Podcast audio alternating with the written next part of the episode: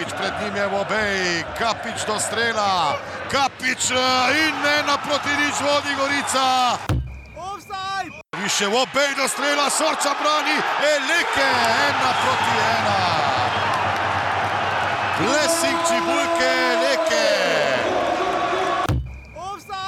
Priložnost sedaj za Gorico in eh, ena proti dve, Dejan Žigon. Ena proti dve, Novogoričani so na pragu zmage. In nevarnejša ter učinkovita Benko strelja mimo gola. Ja, izgubili smo veliko večino dvobojev, tudi drugih žog, se pravi, nismo do, dobro igrali v polju, preveč napak, eh, preveč podanih žog nasprotniku in eh, res eh, slaba predstava. Žoga proti Kirmu, Kirem je sam, Kirem strelja, odlična obramba. Zdaj zdaj je priložnost za Ljubljane, Benko strelja in ponovno Janžekovič. Ponovno Luka Janžekovič. In podaja in priložnost.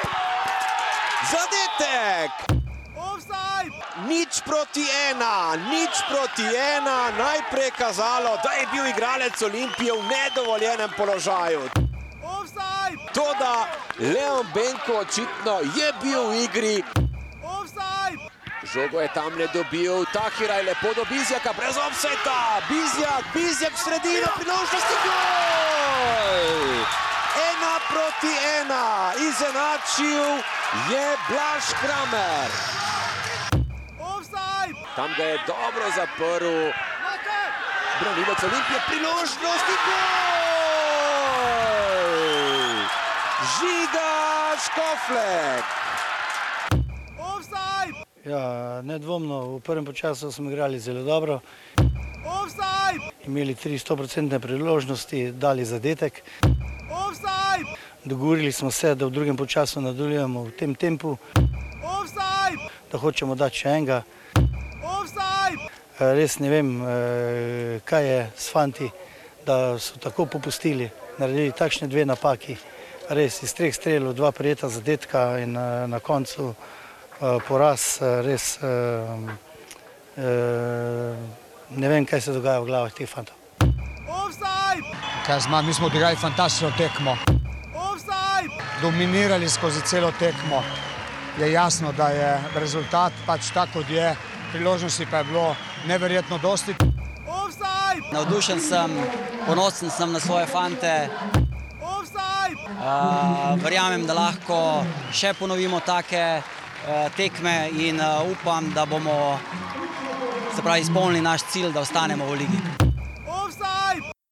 Drage ovsetke, dragi ovsetki, ljubitelice in ljubitelji futbola slovenskega, spoštovane, spoštovani, lepo pozdravljeni v 75. oddaji uh, Offside, uh, oddaji o futbalu slovenskem.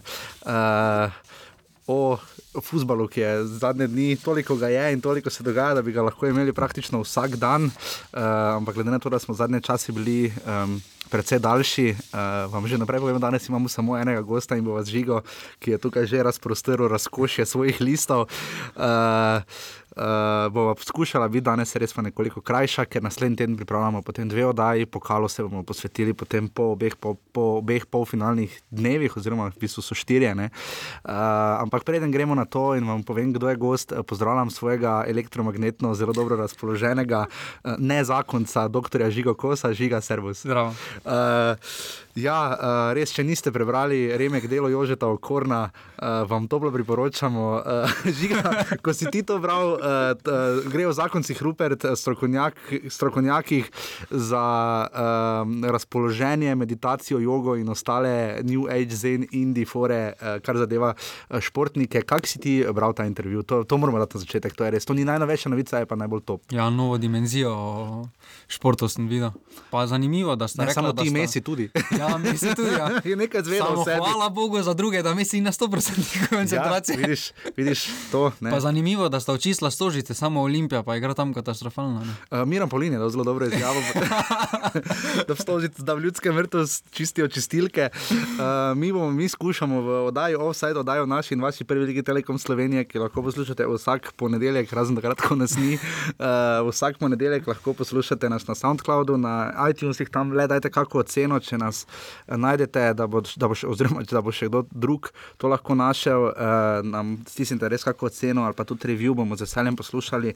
Kar nekaj predlogov, Matjaš Gregorič se je oglasil, da nam bo pomagal za statistiko, uh, o, go, bo razlagal medijani in poprečni vrednosti, uh, ker je zelo boljše, bo znal razložiti, da recimo derbi zelo pokvarijo, recimo če zaneš poprečje, dobiš malo nerealno cifro, pa tako naprej. Tako da, Matjaš, hvala, hvala vsem, ki poslušate in podpirate sploh našega žigo. Um, tako da še bolj pa tistim, ki podpirate offside, zadnjič je to spet nekdo naredil, tako da če boste le to storili, bomo um, lahko še naprej res tako pridno to počeli vse vikende in potem še tudi večino ponedeljkov, ko uh, Jaša pridno miksa ta intro, ki so, upam, da niso predolgi, z veseljem bomo slišali vaše mnenje o teh uh, naših uvodih, upam pa, da ste z njimi zadovoljni. Um, Tako da, če nas želite, na, na, uh, pišete nam lahko na offsetafnourbani.si ali pa nas najdete na Facebooku ali Twitterju, tam smo oba, uh, sicer pa nas lahko podprete na urbani.si pošiljnica offside. Uh, kot rečeno, 75. oddaja, današnji gost vam bo v malo več kot 20 minutah se vračal v oddajo Amadej Žerak, uh, mož ki je primorski nogomet na dveh nogah, toliko kot on ve o novogoriškem futbalu. Ne vem, če niti tisti, ki so v novogoriškem futbalu neposredno drženi, vejo o njem, ampak uh, se ga res plača poslušati, uh, res dobra razlaga o tem, uh, kaj je v Novi Gorici, kaj se dogaja. Kako dolgo bo Miren Srebrenic ostal, kakšen steber, Gorica in tako naprej. Uh, najprej bova pa združila 26 in 27 krok, s čimer smo prišli do konca treh četrtin, ostalo je devet tekem uh, v tej naši cenjeni prvi ligi, ki jo tako zelo imamo radi, ker se res vse dogaja. Ne? Težko je že karkoli napovedati, ampak skratka, danes se bova posvetila obema krogoma tako, da bova šla vsak klub posebej, da bova združila formo vsakega kluba, da vidimo, kje smo. Um, kateri krok je bil bolj zanimiv, kaj bi rekel, sreda ali so tisti med tednom, 26 ali ta 27? 26. Zakaj? Vseeno je bilo presenečenje, Krško je zmagalo že, za- že, že za začetek, potem pa še za zaključek je bila Olimpija Gorica. Zelo, zelo, zelo lepa tekma. Lepa tekma, dinamična, tudi Maribor ne na zadnje se je kar precej mučil z Ja. radomljami, tam na koncu je ni dosti manjkalo, moral se je Handanovič kar precej stegniti, da je žogo odbil čez prečko. Uh, res je izenačena ta liga, v kateri nam res več nič ni jasno, trenutno res ne. Uh, ker kot vidimo, uh, se res da, vsak lahko vsakega premaga. Uh, zadnji, zadnji nudi zelo kvaliteten odpor proti prvemu. Uh, potem imamo klube, ki so rudar, pri katerem nikoli ne vemo, pri čem smo. Ja. Uh, da ne omenjamo Kopra, potem je tukaj Krško, ki je zdaj naenkrat v top spomladanski formi. Uh, Jaša je na hitro prišel tiste točke, ne, se vidi, uh, radom je nič točk, potem je že Olimpija z eno in potem je naslednji že rudar za sedmimi, ne, kar se tiče teh šestih spomladanskih tekem. Ampak uh, dajva najprej na Olimpijo, najbolj sveža novica je katera. Da so navijači obiskali trening eh, svojih ljubljencev. Ampak, miro, koliko smo razumeli, mir, bolj miroljubne so Ja, te. kot znak podpore so najverjetneje prišli pa tudi povedati. Dobro, Ampak podporo imajo, ne tudi v Podporo, Kidričevem. čeprav včeraj niso bili tako glasni kot recimo proti Gorici. Ja, proti Gorici so Dragoci res face navijali, pa tudi ne nazadnje, tudi eh, tokrat je mogoče celo bilo manj tistih klasičnih, uh, uperjenih proti upravi kluba in proti trenerju. Uh, ampak vseeno uh, vidi se, da v Ljubljani pritisk raste, uh, kulminira bo seveda z dvema derbijema. Uh, zdaj, ker tudi Dragoci očitno, sodeč po Facebooku, sami priznavajo, da, je- ne, da je sezona direkt zafurana, ampak da je pač to zadnja velika priložnost in tudi priložnost za Marjana Pušnika, ne zadnje, ki ga je pokal takrat uradno odnesel ne, v svoji prvi eri, ko je Olimpija izpadla proti celju, v, mislim, da v osmini finala, ne, ali četrtfinal, četrtfinal. Ja. Ja, čeprav nikoli se ne ve pri Olimpiji, tudi zamenjavo Stojiča so čakali celotni reprezentančni odmor, potem pa so ga menjali en dan pred prvo tekmo. Kaže se zdaj nekaj pri Olimpiji. Začela so z Olimpijo, pač, ker je trenutno mogoče res najbolj na udaru, najbolj izrazita in pa ne na zadnje aktualni državni prvak. Ena točka v šestih krogih, jaz čakam zdaj, uh, mogoče če nam Slavko Jarič iz športnega SOS-a za RTV Slovenija povedal, kdo je najbolj recimo, razočaral med jesenskim in pa spomladanskim delom, ampak za tako visok klub ne verjamem, da je kdo imel tak štart oziroma takšen začetek iz spomladanskega dela kot Olimpija. Marijo in Olimpija smo pozabili, ne? jaz se to včeraj šele spomnim, ko sem te Ja. točke zašteval, sta bila poglihana, ne? zdaj pa 13 točk razlike. Ne? Ja, tukaj se tudi vidi učinek derbija. Eh, Vseeno so prvo tekmo izgubili, čeprav po prvi tekmi je Olimpija delovala dokaj solidno, glede na to, da je bila prva neka resna tekma te ekipe. Takrat je sebi verjel tudi Branko Ilič. ne? Ja, so delovali zelo ja. solidno, tudi Ja, bilo so zdaj dobro. tako. Zdaj pa res iz kroga v kroga je slabše. Ja, Marjan Pušnik, tu kaj ti misliš? eh, Če greva na krno obe tekmi proti Gorici, je Olimpija imela precej več od igre kot proti Aluminiju. Eh, Pušnik je sicer rekel, da so v Kidriču imeli 300 odstotne priložnosti, recimo, da so imeli eno pa pol, uh, ampak vseeno proti Gorici je to delovalo kompaktno. Uh, in ena zadnja Olimpija, dobro, zdaj tako ali tako težko rečemo, ampak deluje in v gosteh in doma slabo, ampak mogoče malo lažje igra doma. No. Ja, vseeno imajo večjo podporo, kljub eh, tem slabšim rezultatom.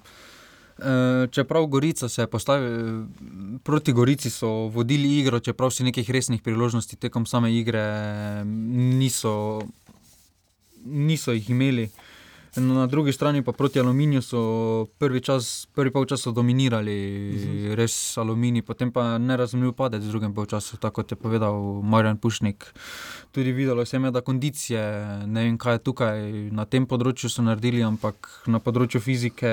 Ker klop imajo, ne, zdaj eh, Pušnik nekaterim igralcem res izdatno zaupa. Moj pomislek je tu zlasti velja to za Leona Benka, ki več kot očitno že, ko je prišel v Olimpijo, ni bil v idealni formi, tudi vmes mu to ni uspevalo, Eleke se zdaj trudi, da je sicer tisti zadetek, zdaj smo kar nekaj takih golov v naši ligi videli, to res komično kičkanje pred golom, ne, tudi v celju smo Ja. videli podobni zadetek, ne, teh golov je zdaj res kar nekaj, uh, ampak vseeno uh, fizična priprava praviš, da je tista, ki trenutno pri Ja, vseeno pa tudi veliko, po, veliko število poškodb imajo, glede na Mhm. uh -huh. to, da so odigrali šest tekem komaj. Je to že.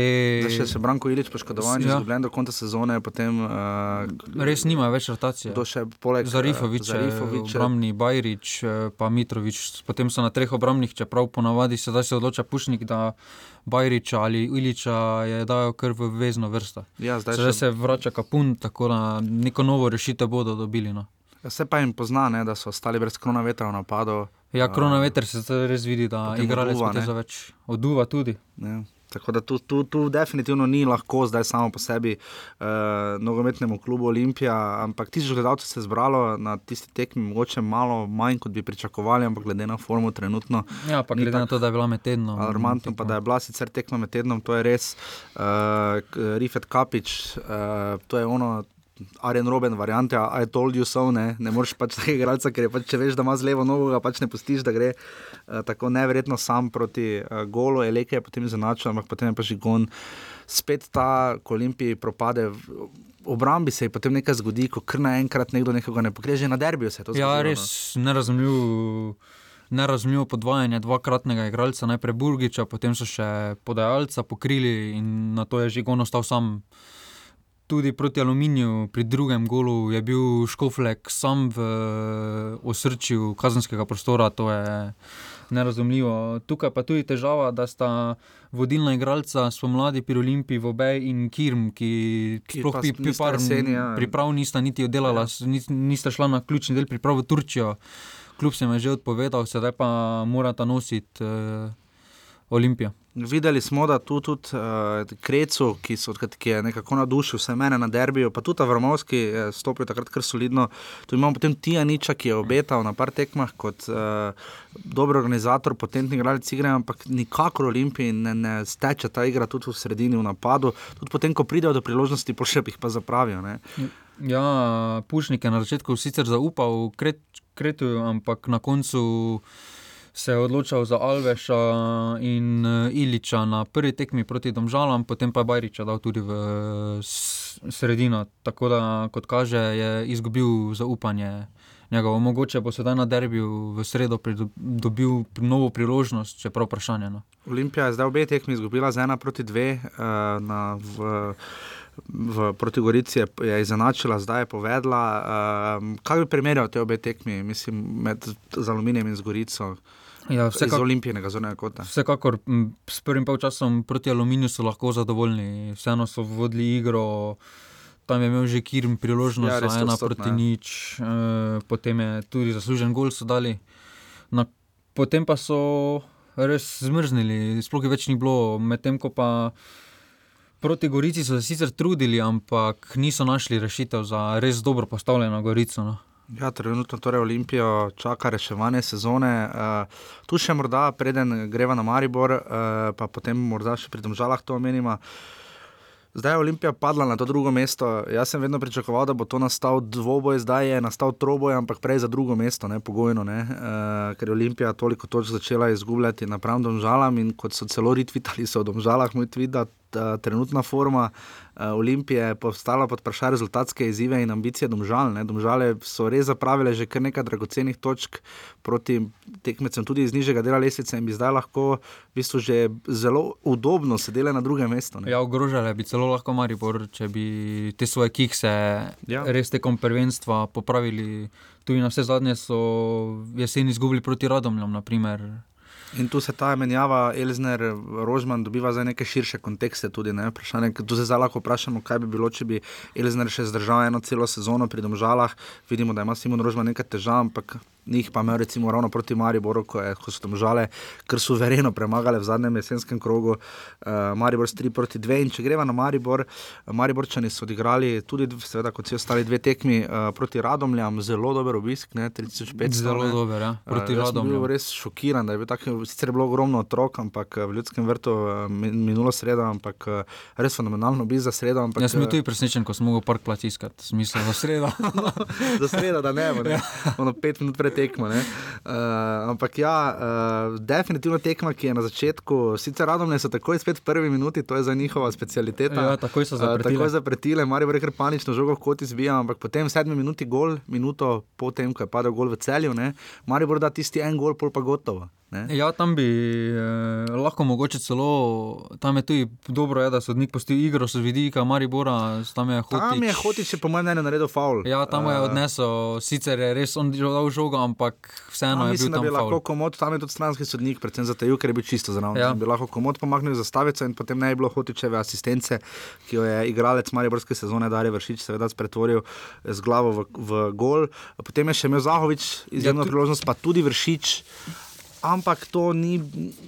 Nikakor ni Mariboru uspelo, da bi zabil drugi zadetek. Ja, tukaj se res vidi razlika med slonodanskim Mariborom in jesenskim Mariborom, kjer so po pravilu te tekme doma reševali v prvih 20 minutah, so zabili prvi gol, tudi podobno 7 do, de, do 10 minute, uh mhm. -huh. na to pa do pol časa rešili tekmo z 3-4, niso reševali tekme takrat.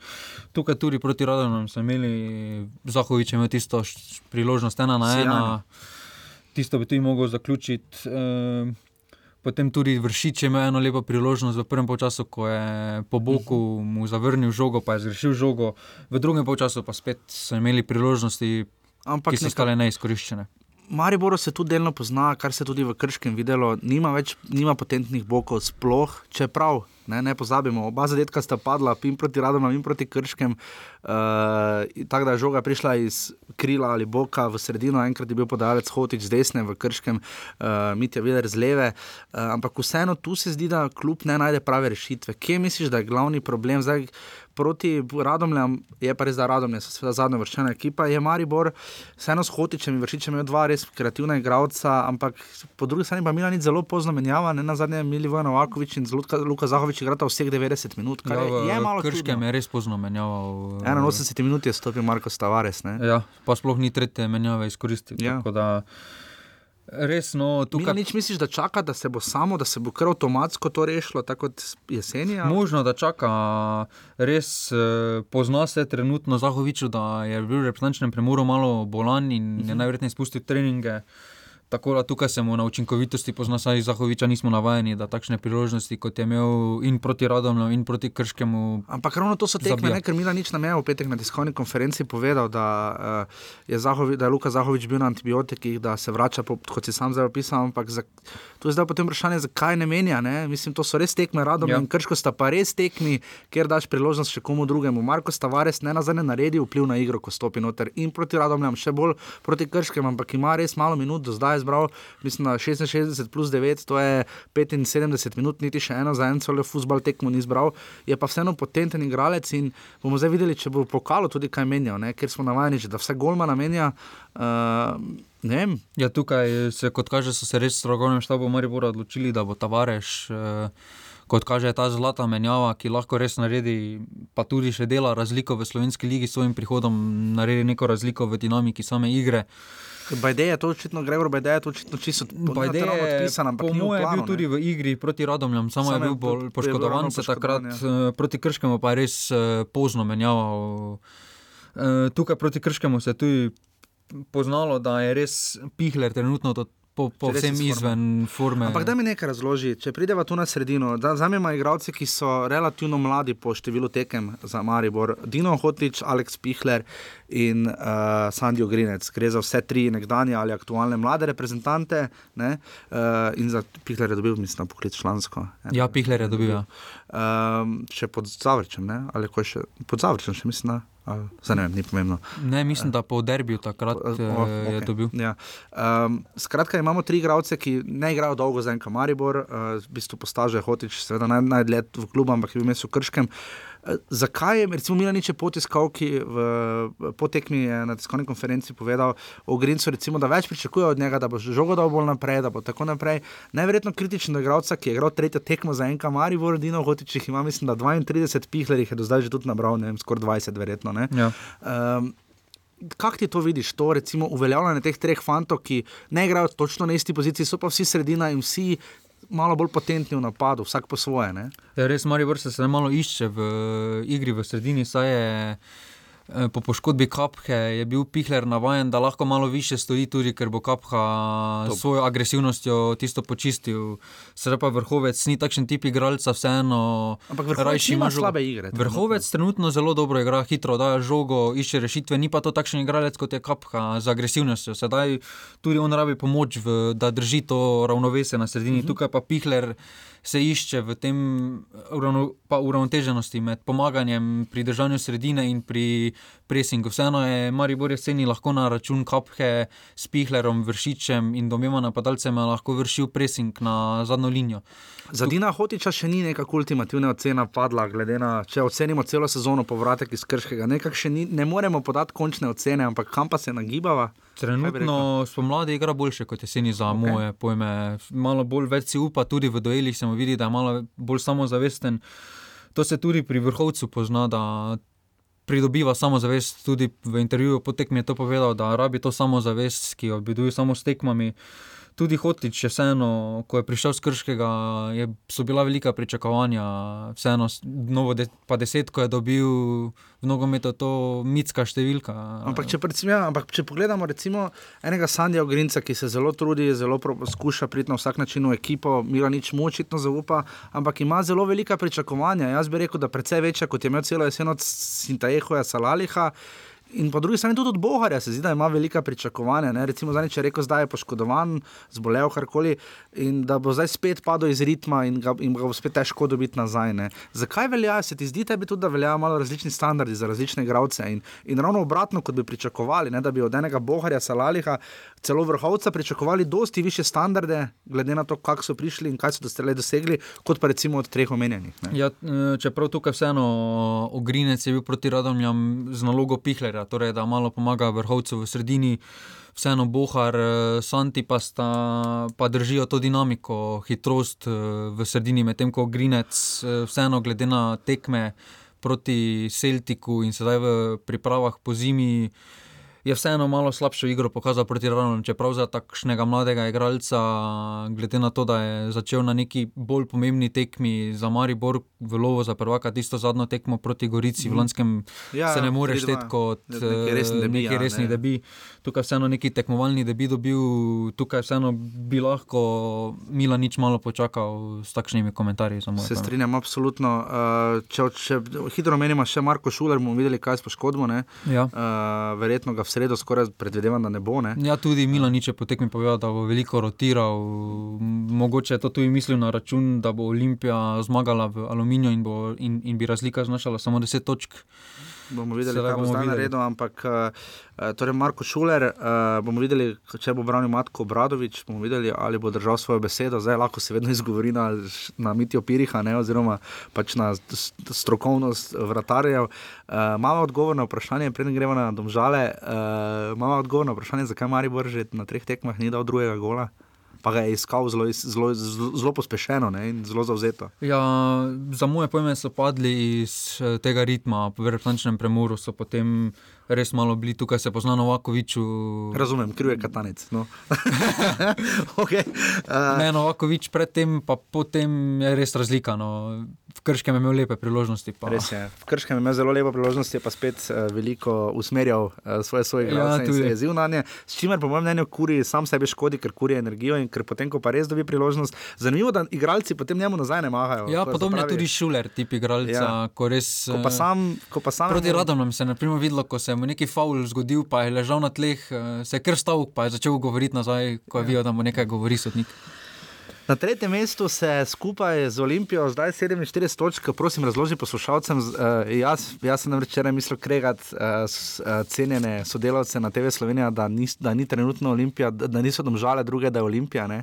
Ampak prosim, pojasni, zakaj, lestvic, zakaj na lestvici trenutno so druge domžale in zakaj tretja Olimpija. ne? Ja, trenutno med samim prvenstvom se gleda v razvrstitvi gol razlika, tukaj pa so domžale prepričljivo boljše, medtem ko pa Na na koncu pa- prvenstva pa se bo gledali medsebojni. Sam to je strašno zavajajoče, to se ja. Ja. težko, če si tako mimo bežni. Uh, pa dobro, vse zdaj tu reče. Čeprav na koncu drugo in tretje mesto. Ja, je pa razlike. problem, če pride med tretjim in četrtim, ali pa recimo za deveto je, ja, mesto. to Tam pa pa potem kdo še bo šel v Evropo, kdo gre dodatne kvalifikacije ali za zadnjo mesto, pač kadarkoli je, karkoli to kam pelje, je pa vendarle to, ne vem, zakaj ima se pač tako ma. Ne vem, jaz, to smo že večkrat delali, jaz bi dosti raje videl pri štirikrožnem sistemu, da bi odločala tudi na koncu sezone le gol razlika. Ja, bolj logično bi bilo. Dvokrožni sistem še recimo, da razumem. Uh, Pa tudi v večini evropskih eh, prvenstev odloča Ja. gol razlika, je prva. Uh, domžalčani so se kar namučili, z, kar pošteno namučili najprej z aluminijem, nikakor jim ne grejo te lažje tekme.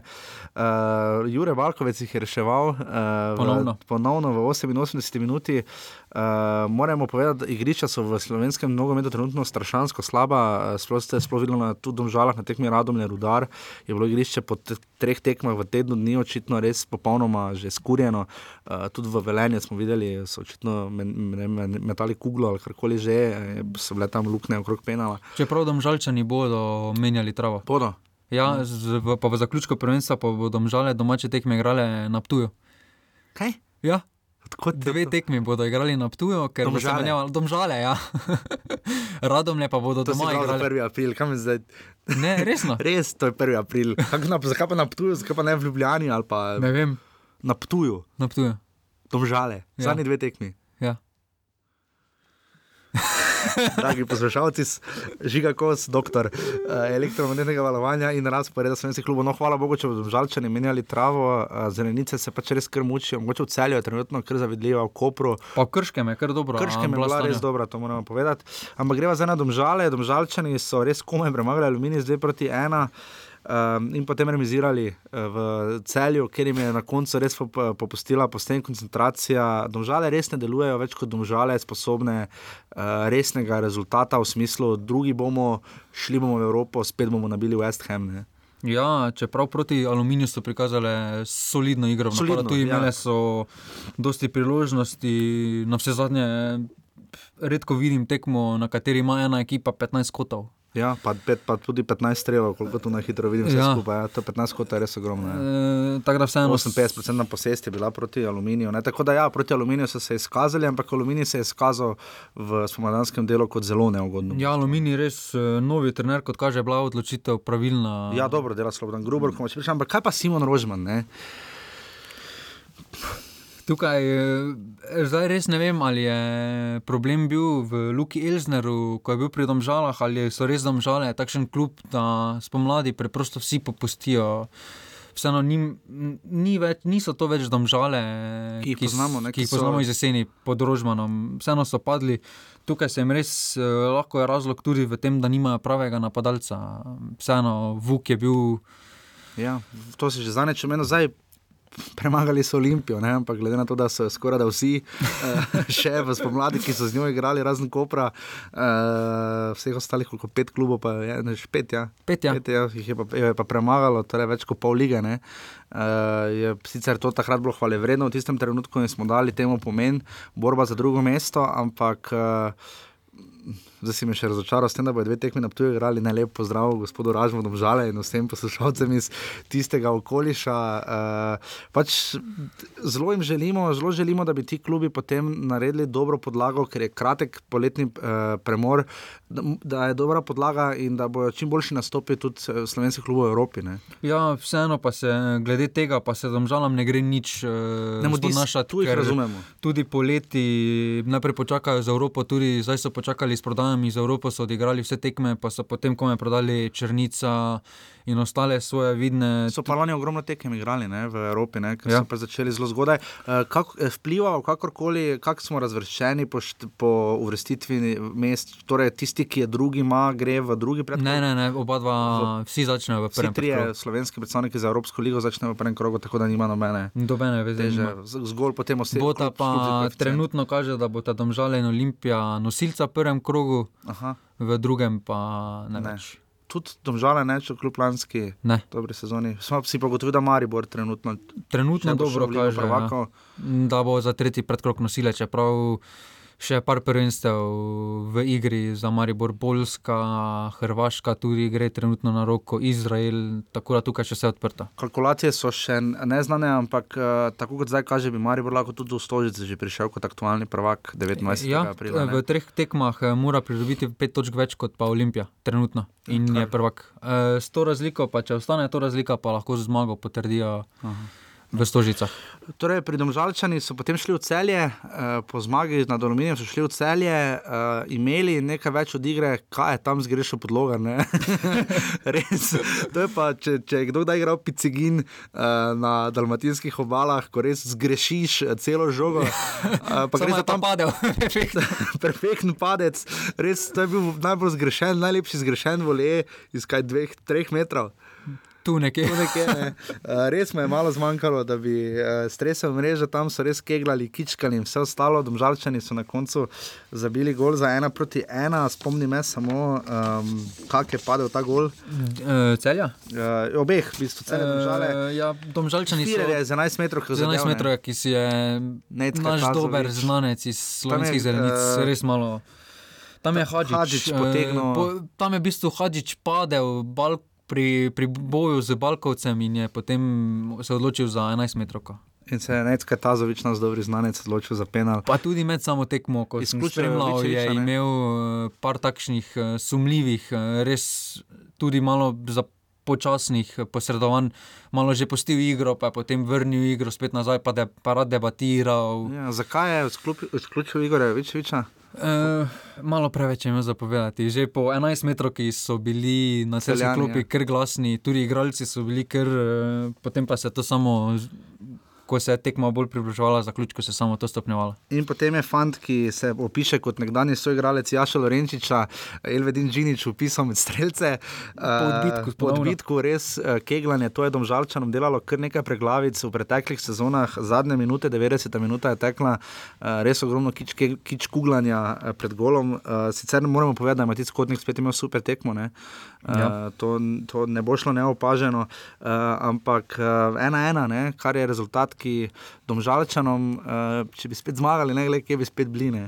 Ja, čeprav vseeno. Zdaj bi Olimpija že pa, zdaj bi pa, ker zdaj se zdi, da je Olimpija malo osvetlila možnost domžal, tako bi pa domžale spravili Olimpijo v še večjo zadrego. Ne. Čeprav vseeno domžalčanom je cilj, da, pride, da ostanejo v top 3 in se s tem zagotovijo Evropo, s tem pa so tudi ohranili razliko do celja. Tudi Rožman je po tekmi povedal, da jim je ne, pa neodločen izid zelo pozitiven rezultat. Da, Vidimo, da igralci tipa Repas, pa tudi Firer je zdaj dobival, dobiva polno minutažo, tu očitno, očitno Rožman išče ekipo. No. ja, išče, trenutno je v iskanju, predvsem v napadalnem delu, so skoraj da vedno druga trojka igra. Je pa res, da so dali 51 zadetkov, Maribor 54, uh, Olimpija pa recimo 39. Ne, Ja, tuk, je- eh, tukaj so večinoma domžalčani in tudi mariborčani so zadeli v Proti- zaključku jeseni, ja. takrat, ko so premagovali res nasprotnike, spet nič, štiri nič. ja. Ok, zdaj greva pa na uh, Gorico in Koper, uh, vmes je sicer še celje, ampak bova, um, bova hitro šla na primorski del, uh, pa potem dala besedo Amadeju Žeraku, bova hitro opisala najprej Gorico. Gorica je šokirala Olimpijo, kot smo že povedali. Uh, zelo dobra predstava, kompaktna, previdna. Uh, Gorica več ne, na, Gorica pazljivo napada. Ima proti napade, ampak se zdi, da pazljivo. Tudi proti Mariboru se zdi, da so mogoče šli za malenkost preveč na glavo. To, kar vedno rečejo proti Mariboru, da ravno ko najbolj si siguren, da jih imaš, pa ti Maribor piči. Zdaj se zdi, da so to porihtali. Ja, tukaj res uh, vidi se, da so ti mladi igralci dobili določene izkušnje. Tudi delo trenera Srebreniča se vidi zelo dober trener za slovenske razmere in tudi malo širše. Vidi se, da dela s fanti, da tudi napredujejo fantje in tudi tukaj. Uh, vloga Burgiča se pozna, da jim je vseeno uh, kot neki mentor na igrišču. Res postavlja taki, na zadnje smo to recimo videli, ker, leto, ker bo že nekaj let nazaj, recimo Milan Osterci, bil taki ja. Eh, vzor kot nekdani reprezentant. Burgič je res od teh bivših reprezentantov, ki so prišli nazaj v Slovensko ligo, v bistvu največ pokazal, oziroma najbolj stabilen, če pustimo, pustimo ja. Maribor, ne? če pustimo Marka Šulera, recimo kot nekega stebra obrambe, ki je pa tudi rabo, malo da se je privadil. Ja, na slovensko je dobro začel, potem pa imel malo določene težave. Ja. Ampak za Burgiča nismo pričakovali, da bo tako potenten, ker ga je vmes, kot boste slišali, je bil skoraj med. Tako najbolj potenten se tudi prezrec kluba. Ne? Ja, tukaj res je uh, tudi zanimivo, da se Burgič tako dobro znajde med temi mladimi fanti, ki vseeno gojijo malo hitrejšo igro. Tukaj recimo, vidimo pri Moriboru, recimo, da imajo določeni starejši igralci s tem probleme, s hitrejšo igro, mm -hmm. medtem ko pa Burgič tudi doda svoje, tako da so vsi zadovoljni na koncu. Tako kot ni bilo kluba, ki bi v teh dveh krogih dvakrat skupaj zmagal, ne? tako ja. tudi Gorici, v bistvu bila Gorica po svoje še morda, poleg mogoče Maribora še najbližje, ker je res imela proti Kopru potem uh, v soboto izjemne priložnosti. Zaključku, čeprav zaključku, do zaključka do 80 minut pa bila tekma. Zelo slaba, to je bila ena res slabših tekem, kar smo jih letos videli v prvi ligi. Mislim, da je en highlight bil za cel prvi polčas. Če se dobro ja. spomnim, mislim, v 43 minutah je ena priložnost. Pa Koper je imel na začetku pranič, tam ja, priložnost. priložnost. In to je bilo tudi to, bolj ali manj do samega zaključka. Ni čudno, da se po dolgem času ena tekma nič, nič končala. Ni, ni letos jih res ni veliko. No.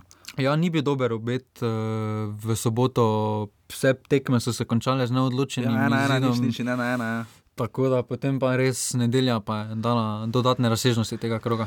Nedelja pa je dala dodatne razsežnosti. Uh, greva še hitro Koper oddelati. Uh, Koper, ki je tako uh, visoko leteče, štartal v, v pomlad, potem ga je pa presekalo krško.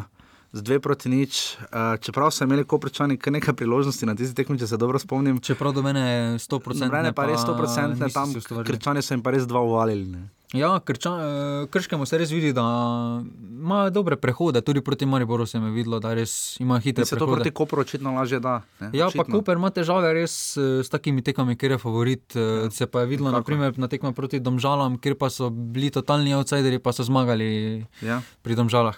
Ja. Koper je potem še nič, nič, nič konkretnega ni pokazal, ne proti Krškem, ne proti Kopru, uh, ka, ka pa Iva, uh, Igorja Pamiča že kar znucana, ker si je tako popravila, stalno, ko bi še verjetno rad kaj povedal. Uh, tako da, kaj reči to Kopru? No? Koper je ja, zdaj. Proti Gorici so vseeno šli, po moje, mm. ne zgubiti za misel. So še vedno v igri za to četrto mesto, ki še bo najverjetneje peljalo v Evropo in s tem bodo tudi dosegli neki svoj cilj.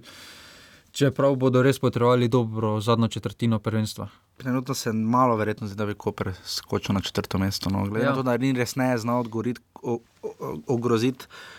Gorice, da devet tekem, zdaj sicer ta teh devet tekem, ker še zadnja četrtina prije da neko možnost reseta, ja. ne, lahko clean slate in začneš znova.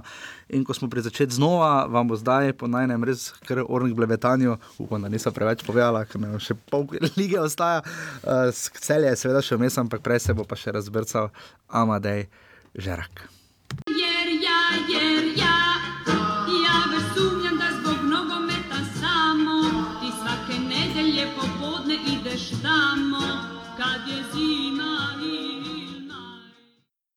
Tako v izjemno čast mi je znova, po kar nekaj časa, gostiti um, uh, mojega, našega severno-primorskega, uh, uradno severno-primorskega, velikega novogoriškega prijatelja, offsajda in slovenskega nogometa, uh, moža, fanta, kakorkoli, ki ima zagotovo zelo visok elektromagnetni nogometni potencial. Uh, tako da lep pozdrav in dober večer, dober dan, Amadej, Žerak, Amadej, servus. Zdravo, Jaša, dobro večer tudi tebi. Um, ko sem seštevil točke uh, spomladanskega dela uh, Gorice, ne, uh, je ta seštevek res kar impozanten. Gorica, uh, Gorica res igra tokrat kot resno četrto vrščeno moštvo, v katerem se vsi sprašujemo, če bi bilo sposobno še česa več. Ne na zadnje, v sredo se je zmagalo v Ljubljani, uh, tudi Maribor je Gorica kar zagrenila življenje, uh, sicer pa vse tekme dobila praktično, razen pač zdaj še ta remi s Koprom. Kakšen je občutek, kaj, kam spada Gorica, kako jo ti trenutno vidiš? Ja, moram priznati, da je tudi nas kar malo presenetil ta celoten razvoj dogodkov v celotni ligi, ne samo kar se tiče Gorice. Nekako pred začetkom smo mladi, smo bili vsi prepričani, da bomo nekako bili ta trobo iz celja in koprom za četrto mesto. Um, je pa res, da je Gorica, mislim, fenomenalno štartala v ta spomladanski del sezone in nanizala pet super predstav, um, tudi pred tekmi z Mariborom, ki je uh, bila edina, ker smo, nismo uh, zabeležili vseh treh točk. Uh, uh, tudi tista tekma je pokazala veliko dobrega z naše strani in uh, mislim, da bi z malo sreče oziroma uh, z malenkost več izkušnjami tisto tekmo Gorica bila sposobna tudi dobiti ali pa vsaj ne izgubiti. Um, kajti tam so res odločile malenkosti in mislim, da je na koncu Maribor sicer povsem zaslužen, so vse tri pike z Nove Gorice, ampak je bila pa Gorica praktično celo tekmo v igri in eh, dvakrat imela priložnost se vrniti v igro in izenačiti na 2 proti 2, pa 3 proti 3. Mm -hmm. In tista zgrešena 11 metrov, ki Burgič takrat je žal nagnila tehniko na stran Maribora. Uh, drugače pa ja, zdaj uh, nekako vsi smo prepričani, da smo v igri celo še za drugo mesto, ki je zaostanek za domžalami. Eh, in Olimpija znaša znosnih 8 uh, točk, uh, z malenkost več sreče in tudi z malo boljšo realizacijo bi lahko ta vikend ob zmagi proti Kopru znašal še manj, ampak uh, ne glede na vse, mislim, da tako Olimpija kot Domžale ne kažeta take podobe, da bi uh, zdaj lahko izključili to možnost, da se Gorica vrne uh, tudi v v boj za neposredno vrstitev v Evropo in da nam, nam, nam ne bo treba do konca trepetati za to četrto mesto, oziroma da tako mi kot celje lahko še vedno upamo na malce več od četrtega mesta. Ampak da te popravim, celo zgolj šest točk je trenutno razlika do domžal in olimpije, ne? ker danes gre ja, ker se upravičujem. Ja. Ja, ja. Ni vrdimaš se kaj, lahko si kvečemu neizmerno vesel. Kaj se je spremenilo čez zimo? Uh, obilo omenjava za žigo v offsajdu Andreja Filipoviča, ki se kaže kot nek gibljivejši člen, tu je dobra forma Rifeta Kapiča in pa Miran Burgič spominja na svojo najboljšo sezono, če odštejemo zapravljeno lepo priložnost včeraj proti Kopru. Ja, res je, ampak mislim, da se je spremenilo, uh, da, da se je glavni premik zgodil na uh, nivoju ekipe, uh mhm. -huh. oziroma uh, samozavesti in predvsem uh, te uh, realizacije. Kajti mislim, da je Gorica v primerjavi s celotno lansko sezono in tudi z jesenskim delom uh, to pomlad uh, realizacijo dvignila za vsaj 100%. Uh, mislim, da smo imeli do včerajšnjega derbija s Koprom povprečje dva dosežena gola na tekmo, kar je glede na razpored in glede na uh, to, da smo se pomerili z vsemi tremi ekipami, ki so na lestvici pred nami, mislim, da um, zelo spodobna statistika. Uh, mislim pa, da je tudi prestopni rok uh, odigral svoje. Uh, nekako smo se vsi kar malo bali, kaj se bo zgodilo z ekipo po odhodu Kotnika in uh, mhm. Računa, ki sta predstavljala pomemben del uh, ofenzivnega potencijala Gorice, ampak vidimo, da je Miren Srebrenic še enkrat več. Uh, naredil odlično delo in že pripravljalno obdobje je nakazovalo, da bi Gorica lahko bila resen konkurent za Evropo, ampak ni pa bilo mogoče s tekom teh, teden, te, te, teh tekem razločiti oziroma uh, nekako si predstavljati, da bomo na tej točki uh, v tako dobri poziciji in celo konkurenčni za neposreden boj v Evropo, ker ti tista zmaga nad Udinezejem in tudi nad Terekom Groznem, je, smo jo pač vzeli malo bolj z rezervo. Uh -huh. um, je pa res, da je tudi klubsko vodstvo še enkrat več. Uh, Pokazalo, da ima nos za igralce, kajti mislim, da je bil Andrej Filipovič za res uh, najboljši nakup uh, Eh, tega zimskega prestopnega roka, ki ti gre za res mladega, perspektivnega igralca, ki je v Gorico prišel praktično za stojn, ima pa za sabo kar eh, spodoben kurikulum, kajti eh, če gre za igralca Rijeke, ki je nastopal tudi v primaveri Juventusa, uh -huh. ki je poleg Atalante, po mojem mnenju, najboljši, kar se tiče mladinskega nogometa v Italiji in če te nekako vzame Juventus pod svoje okrilje, potem uh, veš, da je neka perspektiva v igri in tudi, kar sem spremljal njegovo kariero, je tudi pri Laspeci uh, pustil zelo uh, soliden vtis.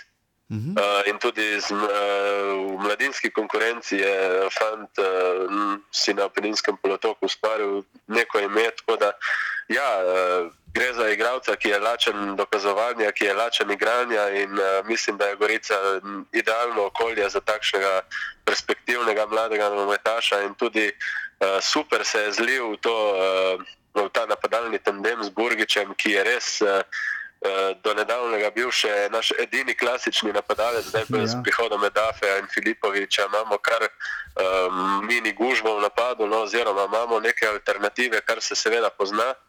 Mhm. In tle je še Dejan Žigon, ki mislim, da je v zadnjem obdobju zelo dvignil formo in bi tudi včeraj, mislim, da z lahkoto lahko bil igralec tekme, če ne bi pač tisti 85 minuti uh, zgrešil res, uh, mislim, da 200, če ne 300 odstotne priložnosti iz, iz petih metrov, ja, slabo zadev žogo. In... Pri obratu je imel precejšnje težave. Amadej, uh, povej mi to, uh, zgolj Darko Miranič in Miran Srebrnič ostajata še na trenerski klopi od začetka sezone, pri čemer je Miran Srebrnič uh, zdaj kar z naskokom, že najdaljši trener, odkar je tudi šel Tomaš Petrovič. Si zdaj sploh predstavljaš kakršno koli drugačno gorico, oziroma da nam malo opiši vlogo Mirana Srebrniča? Je to, zdaj bom dal ekstra primer, je to v veš ta gardiolovski sindrom, kjer se on osebno poistoveti s klubom, ki mu je toliko dal, s katerim je toliko doživel. Je, ima tu očetovsko vlogo, je tu vendarle bolj pedagog, je bolj strateg. Kak, koliko stoji in pade, recimo ta gorica, oziroma kakšna je vloga Mirana Srebrniča, ker zdaj se res pozna, da zna te fante vedno znova naučiti, kot si sam rekel. Ne? Ja, mislim, da je Miren Srebrenic totem goriškega nogometa in Miren Srebrenic v, lahko rečemo, da je ND Gorica oziroma pooseblja vse tisto, uh, kar predstavlja ND Gorica. Je, uh, mislim, da je kot trener, najprej, kar se tiče njegovih trenerskih sposobnosti, mislim, da je absolutno najbolj podcenjen trener v prvi slovenski nogometni legi. Kajti, uh, Mislim, da je ne enkrat, ampak že dvakrat na klopi Gorica v dveh mandatih dokazal, da je v skoraj nemogočih uh, uh, pogojih in uh, z uh, volontersko ekipo naredil rezultat, uh, ki je res vsega spoštovanja vreden. Rešil je Gorico, rešil je obstoj nogometnega društva Gorica, kajti brez tiste. Brez tistega obstanka v prvi ligi, izborjenega mm -hmm. proti Aluminiju, mislim, da se danes v prvo ligaškem nogometu na Goriškem sploh ne bi več pogovarjali. Mm -hmm.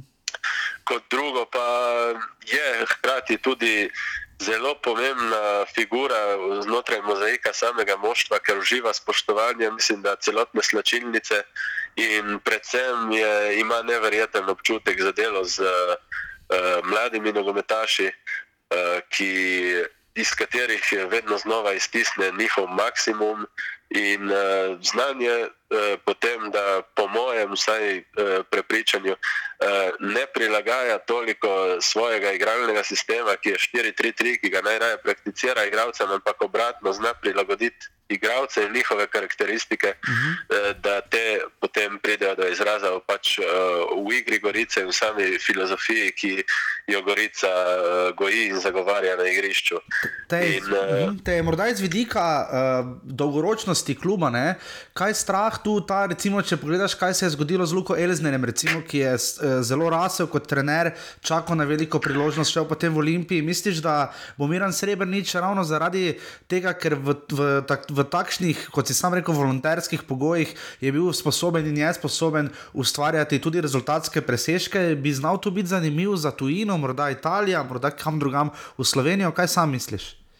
Uh, sam, po pravici povedano, nimam te bojazni uh -huh. uh, in niti uh, morda primerjava z Elznerjem uh, ne, ni, ne bi bila ravno najbolj na mestu, uh -huh. kajti mislim, da se to niti toliko ne ve, ampak v preteklosti sem slišal govorice, da je bil Miren Srebrenic zelo zanimiv za tojino in uh, za kar respektabilen tuji klub, uh mhm. -huh. ampak že takrat ni zapustil Gorice in mislim, da tudi uh, danes uh, ni bojazni, da bi se vsaj v bližnji prihodnosti uh, odločil za odhod uh, z klopi Gorice, ker mislim, da uh, živi s tem klubom, uh, živi s tem okoljem in uh, mislim, da ima tudi on eno srednjo, dolgoročno vizijo, kako narediti z Gorico nek preskok.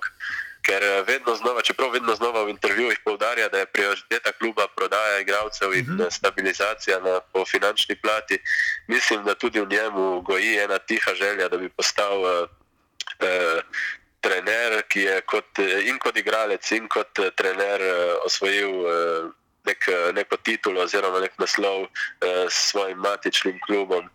In, uh, tako da jaz, uh, kar se mene tiče, vidim njega na goriški klopi še vsaj nekaj let in uh, mislim, da bo ob predpostavki, da se bo klub uh, razvijal in uh, nadaljeval delo po začrtani poti. Uh, to tudi uresničilo, ker pravim, da potencial za uh, narediti en res odmeven rezultat ima. Uh, In uh, mislim, da tudi Gorica s svojim igralskim kadrom uh, nakazuje, da počasi stopa za res. Uh, nazaj proti vrhu slovenskega nogometa, oziroma vsaj, da se vključuje spet v enakobreden boj za vrh mhm. tega. Če postiva morda malo ob strani Maribor in Olimpijo, eh, koliko so po organizacijski plati, recimo spredaj pred Gorico, domžale, recimo domžale tudi nikoli niso imeli nekega močnega sponzorja, recimo kar je nekaj, kar trenutno, kar je po recimo propadu, oziroma kar, kar se je že s hitom dogajalo, se je poznalo v Gorici, kje, koliko so domžale, recimo, pustimo zdaj točkovno, ampak po organizacijski plati pred uh, Gorico? Uh, jaz mislim, da je bil še do pred kratkim ta uh, razkorak kar velik. Uh, predvsem je bilo za domžale značilno, oziroma je še značilno, da so eno tako zelo mirno okolje, kjer se, ne, se igravci dejansko ne spopadajo s takim pritiskom rezultata in tudi ob rednih plačah imajo možnost, da so zmislili zgolj in samo pri nogometu. Uh, je pa problem, da žal in uh, ta, po mojem mnenju, da so to le kljub, ki nima tako bogate tradicije in ki tudi uh, ni tako. Uh, Rekel, ni tako dobro sprejet v lokalnem okolju, nima take podpore, uh, in mislim, da zaradi tega tudi oni uh, ne morejo prerasti teh nekih njihovih okvirjev, uh, ki po mojem mnenju segajo tam do maksimalno drugega mesta oziroma do kakšne evropske tekme ali dveh. Medtem ko Gorica v zadnjem času je naredila tudi na organizacijski plati velik uh, korak mhm. naprej. Jaz mislim, da že ta prestopni rok dokazuje, da je scouting ponovno začel delovati tako, kot je treba. In, uh, mislim, da že, če bomo nadaljevali to tradicijo, kajti Gorica je vedno slovela kot klub, ki je eh, redko kdaj eh, zgrešila z nakupi in je imela dober nos za mlade in perspektivne eh, igralce, mislim, da lahko eh, k malu. Uh, tudi po tej plati konkuriramo domžalam, kajti letos je, mislim, da je igrišče že pokazalo, da Gorica in domžale sta nekje po kvaliteti enakovredni ekipi. Mm -hmm. uh, tako da, kar se tiče tega, ne vidim, da bi imeli domžale neko bistveno prednost. Uh, in tudi zdaj, ko nekako v Gorici se mirno dela in ni več tistih uh, skrbi oziroma finančnih. Uh, okostnjakov nad in okoli klubom. Mislim, da tudi klub počasi, a vztrajno raste in če, bo, če se bo zadeva ta zgodba tako uh, dobro odvijala naprej, mislim, da bo kmalo Gorica tisti klub, ki bo uh, po tekmovalni plati, ne po organizacijski, mm -hmm. kajti tle mislim, da je Maribor še vsaj naslednjih deset let uh, absolutno na prvem mestu, ampak po tekmovalni plati, da vtegne postati tisti klub, uh, ki bi Mariboru predstavljal največjo konkurenco, sploh ker vidimo, da je vedno več tujih uh, klubov v prvi ligi v tujih rokah uh mhm. -huh. in uh, to niso ne, ravno neki. Uh, Kako bi rekel, strateški vlagatelji. Ja. Sigurni, ja. uh, sigurni uh, finančni temelji, oziroma prihodnost klubov, kot so recimo Celje, Rudar, eh, pa tudi recimo Luke Koper in eh, Krškega, eh, ki se zanašajo na neko sodelovanje s tujimi agencijami. Za dolgoročno prihodnost teh klubov zagotovo ne bo prineslo nič dobrega, tudi v slovenskem nogometu so se že take zgodbe eh, ne enkrat, ampak večkrat razpletle zelo slabo in tudi v Gorici smo bili blizu tega, da bi eh, klub klavrno propadel. Ja, Matej, morda proti koncu omenil si lokalno okolje. Um... Kako je z navijanjem? Zelo fajn je videti, teror boj se vedno, uh, so vedno prisotni na praktično skoraj vseh tekmah. V Ljubljani je bil obisk v Stožicah, teror boj so zelo dober. Uh, navijači so prišli tudi na predstavljeno tekmo, takrat iz sobote na torek. Uh, Kak je to lokalno okolje? Sicer slišimo Mirana Srebrniča in ostale, da pač v Gorici ste navajeni dobrih rezultatov in dokler ni rezultatov, tudi, navija, tudi obisk malo trpi. Kak je zdaj s tem trenutno? Ja, mislim, da zadnjo, dobro, zadnjo sezono, oziroma zadnjo dobro leto, leto in pol je obisk nekako konstanten, oziroma je na vseh tistih bolj atraktivnih tekmah v rahlem porastu. Je pa res, da je Gorica specifično okolje in uh, zelo zahtevno okolje. In, uh, ni, uh, publika v Gorici ima res. Uh, zelo dober spomin in še nekako živi, oziroma podoživlja tiste šampionske eh, čase pod eh, Pavlom Piljem. Ampak uh mhm. eh, -huh.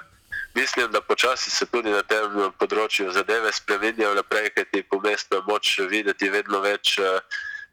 Ljudi, tudi mladih, s klubskimi obeležji. Uh mhm, -huh, in uh, mislim, da je prav, da klub stremi k temu, da začel, začelja vzgajati uh, publiko pri najmlajših. Uh, je pa res, da tisto sta, starejše jedro navijačev ostaja zvesto, ne glede na vse. Je pa to ravno tisto jedro, ki je izvajalo največ pritiska na igralce, ko, ko niso šle stvari tako, kot bi si vsi skupaj želeli. In normalno, da so potem tudi fantje uh, občutili to, oziroma po psihološki plati je to pustilo določene posledice. Ker ti vemo, da Gorica je ekipa, ki doma vedno želi igrati, želi ugajati in ko uh, igra le teče tako, kot bi si želeli, ali pa se privede, pride do kakih napak, je goriška publika bila kar znala potem, da je bilo glasno negodovanje in to je upravičeno motilo tako trenerja kot igralce. Ampak vse pravim, mislim, da se počasi zadeve obračajo na bolje. Uh, tudi klub uh, vedno več dela v tej smeri, da bi dejansko eh, ekipo in uh, klub kot uh, blagovno znamko približal lokalnemu okolju. In mislim, da je na zelo dobri poti, je pa res, da je vse odvisno od uh, rezultata, oziroma da bi nek odmeven rezultat bistveno pripomogel k temu, uh, da bi se obisk. Uh, Tekom celotne sezone dvignil, oziroma povečal na recimo število prek 1000, oziroma 1500, tam, mhm. da se bi gibal v teh številkah. Mhm. Še... Uh, težko je karkoli napovedovati, mm v bistvu s tem, ker je res Gorica je tako nepredvidljiva, kar se publike tiče. Ampak jaz mislim, da dokler je neko zdravo, trdo jedro zvestih uh, privržencev kluba, uh, se ni bati, da bo podpore uh, zmanjkalo in da se fantom in tudi trenerskemu štabu in ne na zadnje vodstvu kluba ne bo priznalo tistih zas- zaslug, ki jim, uh, ki jim pripadajo. In morda še to letos uh, Gorica je izpadla v pokalu proti Mariboru, Maribor je šel naprej za golom v gosteh, ena ena v Novi Gorici, nič nič v Ljudskem vrtu. Uh, v Ljubljani ste zdaj zmagali, res je, da ste tudi Maribor premagali na, v prvi tekmi letos, kar se tiče uh, neposrednih obračunov z Mariborom, ampak kam, uh, kam greš ti osebno raje, v Stožice ali Ljudski vrt, ali, oziroma sploh v letošnji sezoni. Ne? Maribor je neki tradicionalni klub, mislim, tradicionalni klub, ki je pač bil toliko krat prvak in je v sponu letos, Olimpija pa je vendarle aktualni prvak, ne? proti komu je letos bilo boljše. Iz navijaškega zornega kota. Ne? Ja, tisti izpokalni spad iz Maribora je kar nekaj takih nas, eh, ki se jim vrti, še tisti film s povratne tekme, tisto uh, ledosojeno roko od šulerja. Uh -huh. Potem so nam sicer v prvenstvu piskali penal, ki to ni bil, je bil ravno šuler, tisti, ki je zakrivil penal, ki ga ni bilo. Uh -huh. Tisti pokal je bil res nesrečen in morda eh, bi tudi letos, sploh glede na razvoj dogodkov, Gorica, če bi napredovala v tem trenutku, bila celo prvi favorit za pokalno Lovoriko. Ampak, eh, kar se pa tiče stožic in ljudskega vrta, meni osebno so vedno, bolj, so vedno bile ljubše tekme z Mariborom. Uh -huh. uh, iz to povsem nogometnega stališča. Uh -huh. uh, je pa res, da se tudi proti Olimpiji da, igra odprt nogomet in so tekme vedno zanimive. Z navijaškega vidika je jasno, Olimpija bolj, bolj kako bi rekel, temu atraktivna, uh -huh. ker so tudi eh, zgodovina oziroma odnosi med skupinami so malo precej drugačni kot eh, Z violami, ja. eh, z, z violami. Ja. Ampak eh, moram priznati, da glede na to, da sem hodil v ljudski vrt še v zadnjih desetih letih in uh, se večkrat vračal s konkretnimi porcijami, uh, mislim, da kljub temu mi je še vedno uh, ljubše gostovanje v ljudskem vrtu, uh, ker je to le ena najbolj tradicionalen obračun uh, v slovenski nogometni ligi. Uh, pa daleč od tega, da ne bi priznaval, da je rivalstvo med Mariborom in Olimpijo največje v državi, ampak eh, Maribor in Gorica sta kluba, ki sta od začetka že zraven v prvi ligi in uh, mislim, da odkar pomnim, so, bilo, so bile to izjemno odprte tekme, polne golov, mislim, da je bilo rezultatov 0-0 med eh, Gorico in Mariborom manj kot pet v celotnih 25-26 letih. Tako da ja, je ljubše v ljudskem vrtu. In uh, v zadnjem času, ko se je popravila tudi naša statistika, tam, ko smo bolj konkurenčni, in ko je kljub uh, ponovno zadihal uh, s polnimi pljuči, mislim, da se vsi radi vračamo tja in uživamo v teh uh, nogometnih predstavah in upamo, da bomo. Da bo nekaj le pač dvoboj z Mariborom tudi odločil o prvaku, ampak eh, to so za zdaj še tihe želje. Uh, je pa res, da si tudi Olimpija, ne glede na vse težave, ki jih ima, zasluži mesto v prvi ligi, kajti brez nje bi bilo dolg čas. In, uh, čeprav ne gojim daleč od tega, da bi gojil kakšne simpatije proti Olimpiji, uh, ji privoščim, da uh, ostane v prvi legi, ampak pod pogojem, da spremeni, korenito spremeni svojo vodstveno in organizacijsko strukturo. Uh, kajti dokler bo tam v Ljubljani Milan Mandarič, mislim, da ne bo noben pogrešal uh, Olimpijo v prvi ligi. Se tudi bojimo mi tega. Amadej, najlepša hvala, da si bil naš gost v Novič. Uh, slišimo se skoraj zagotovo ob koncu prvenstva, ko bomo vedeli, uh, uh, kakšna bo usoda Gorice. Lani je zastopala seveda Slovenijo v evropskih pokalih, hitro je spadla proti res renomiranemu tekmecu, ampak upamo, da bo tudi evropski futbal pokukal čim prej spet kaj v Novo Gorico. Ne? Ja, mi se tega nadejamo in prepričani smo, da se bo to zgodilo že letos poleti. tako da. No. Super, Amadej, najlepša hvala. Hvala tudi tebi, lep pozdrav vsem poslušalcem. Hvala, čau. Čau. Jer ja, jer ja, ja već sumnjam da zbog nogometa samo ti svake nedelje popodne ideš tamo. kad je zima To je bil torej uh, naš primorski dopisnik. Eh, Naslednji vikend bomo probali spet dobiti morda koga iz Ljubljane, počasi pa seveda tudi tuhtamo kom iz Maribora. Naslednji teden smo, kot rekli, uh, bomo imeli dve oddaji, v ponedeljek in v četrtek. Uh, po pokalu uh, Urbano Kramarju smo pisali spet iz Krke, Krčanom, uh, kr, Krškanom, Krčanom, uh, Krki, Novomeščanom. Trenutno ne kaže niti približno dobro vprašanje, kaj bodo naredili. Po vrhu imajo še prvo tekmo jutri v gosteh pri Domžalah v pokalu. Ampak kot rečeno, bomo skušali še čim bolj dobiti goste. Če pa imate kakšen predlog, pa kar z besedo na dan, tudi na žiga jih ima malo, bomo tudi pogledali. Verjetno kako malo zelo v tretjo ligo, v uh, najbolj, najbolj izenačeni ligi, kar se vrha tiče. Ni, Ja. ni lige, ki bi tako bila, v, po mojem, dol do zadnjih lig. Ni Ne, pa tudi, lige. po moje, so kar pri gledalcih, kar primerljivi. So. Tudi, ampak če pogledamo, ni tako izenačene lige za prvo mesto. Prva Ne. liga tako ali tako ne, druga tudi ne, tretja cent, eh, sever, Ja, najbolj je, center, tudi Lirija vodi zahod, precej. eh, Zahod tam ja, je še. Tam še malo. Tam bova še tisto na hitro pogledala, potem ampak eh, greva zdaj celje. Celje je, uh, se drži na petem mestu, um, stik držijo, uh, to je absolutno res. Uh, so pa celjani, um, ni jim uspelo nikakor streti domžalne, uh, so se reševali, ko so rekli v zadnji minuti. In pa med tednom, že jaša malo pozabili, So Rudar premagali. premagali v kar gledljivi tekmi. Ja, Eh, čeprav začetek uh, ni bil najbolj obetaven, uh, so samo imeli redke priložnosti, so bile iz nekih konter, potem pa se je kar igra razživela. No. Kaj zdaj pri celju, kdo je Dalibor Volaš, očitno ni, trenutno nima neke res iver top forme. Eh, Kdo je zdaj pri celju tisti, ki vleče ta voz naprej, na koga se lahko Igor Jovičevič, ki bo verjetno še odsedel naslednjo tekmo, predvidevam. eh, Kdo, kdo bo zdaj, kdo prevzema vlogo pri celjanih? Podlogar in Cvjanovič. Podlogar in Cvjanovič. Ja, tukaj se tudi vidi, da trener išče neko optimalno enajsterico, rotira, enkrat Rahmanovič igra, potem Volaš, potem naslednjo tekmo skoraj da ni.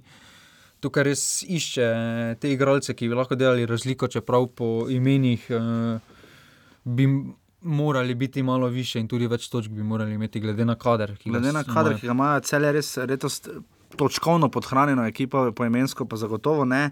Uh, igrali so z rudarjem, da je kar tu skupaj delati v sredo. Ta tekma je kar malo odločala, malo nakazovala in ki jo je rudar izgubil. Uh, rudar, ki ne na zadnje spomnimo, izgubil proti Krki ne, uh, v, v četrtfinalu pokala, edinemu drugo ligašu in zapravil. Mislim, vsakeč, ko se mu ponudi malo možnosti, da bi nekako splavali, seveda ne računamo, da bi zmagali v pokalu, ampak ko imajo neko možnost, Ja. da bi lahko naredili to razliko v neposrednem, proti neposrednemu tekmecu, se jim zatakne. ne. Uh, vidimo sicer, uh, mimo grede pri celju, da je še omeniti Lupeta, recimo je zanimiv igralec, meni Ja. ja. vseeno, ker ko pride not, naredi razliko. John Mary in Bilong, pa dobro, tu zdaj ne izbiramo po barvi kože, igralca razlagamo, samo te res izraziti tujci, ki se pojavljajo pri obeh ekipah, um, tudi pri rodarju, ampak rudar je sicer potem vse, kar ni šlo proti celju, je očitno naredil proti radomljam. ne. Ja. In jih res razkantal in razbil, ne? John Mary s hetrikom v štirih minutah, ne? Kar ne vem, po mojem, rekord lige. Ne? Po mojem tudi. Ja. Pa še eno lepo priložnost sem imel v 13 minuti. ko je Ja, bil- tako na začetku tekme, ko je res imel najlepšo od vseh priložnosti, tega pa ni dal. Uh, Bilonk je tudi zadev uh, že proti, uh, Velenčani so vodili proti celjanom med tednom, uh, ampak potem to zapravili. Ne. Ja, takoj so prejeli gol. Uh, in se tukaj se res pozna, da rudar doma nikakor ne najde te svoje forme. Ne. Ne. Doma imajo samo dve zmagi ob sedmih remijih. Tukaj res uh, so podhranjeni števila točk, predvsem zaradi domačega terena. Če bi dosegli malo bolj optimalno formo doma, bi bili kar precej više. Imajo pa prvega srca lige, Dominik Glavina je pobegnil Luki Zahoviču za Prvega gol, in ne. tretjega. In tretjega John Mary je zdaj se Z 12 zadetki Z 12 se je izenačil z Burgičem. Burgičem ne. uh, s tem, da ima Miran Burgič uh, rek, 8 penalov, ki jih je pospravil in enega, ki ga ni. Um, je to dobro, za, mislim, eh, dolgo že nismo videli, da bi kdo iz uh, manj. Uh, Recimo Štefan Škaper je bil igralec, ne sicer so se in Mura in Beltinci, ki je igral tudi, tako je on igral za njih, kot rekorder kluba borili, takrat tudi za više mesta, ne nazadnje tudi igrali v Evropi, pa Škaper je prišel celo do reprezentance. Ampak dolgo že nismo videli igralca, ki bi iz ekipe spodnjega dela lestvice bil prvi sredec lige ali pa vse pri vrhu. Ne? Ja, tukaj je zanimivo, da imajo kar, dv- kar dva igralca skupaj, sta dala 27 zadetkov, od skupnih 39 zadetkov. Torej so... Zanimivo, da ima rodar toliko golov kot Olimpija ne? in tri ja. več, recimo, kot Gorica ne? in, in pet več kot celje. Ne? Tako da strelsko jim gre, ampak to na račun take tekme, kot je ta z Radomljami, ja. ker so vse porihtali, če bi le bilo vsakeč tako. ja. Vanja Radinovič, misliš, da kako pravi on svoje delo, Slobodan Krčmarevič je bil jeseni meni zelo všeč, tudi Branko Čavič se je izkazal, se mi zdi na tistih parih tekmah, ko je vodil. Kakšna je ta velenska zgodba? Ja, glede na rezultate, ni najboljša. Vseeno so v prvih dveh tekmah dobili štiri točke in se je pričakovalo, da bo neki napredek, glede na jesen, sedaj pa so čakali kar tri tekme na ponovno zmago, ki so dosegli proti Radomljam. Ravno to, ko si rekel, ponovno zmago pri Velenčanih, imamo občutek, da razmišljajo o smeri, eh, kako dobiti vsako tekmo, ampak sodeč po stanju na lestvici, bojo počasi morali razmišljati o vsaki točki, ki bo zelo dragocena. Dve točke za njimi so namreč krčani in potem štiri točke alumini. To se v tej ligi, ker vsi premagajo vse, lahko hitro znajde rudar tudi na devetem mestu. In ne pozabimo, rudar je že igral v drugi ligi. Ne? Ja, res so. Rekorder po številu zmag v drugi ligi. Ja, res so v dobri formi, je krško in aluminij v tem spomladanskem delu, tako da rudar tudi več ni varen na tem sedmem mestu. Ampak misliš, da koliko je realno, da bi se znašli oni na devetem? Ne? Ja, vseeno, potem se bo troboj nar- naredil, potem pa bodo medsebojne, če recimo izgubijo obe medsebojni proti aluminiju in krškemu, zna biti kar pes. Je pa od vseh treh klubov to najbolj nevaren scenarij za vrčne.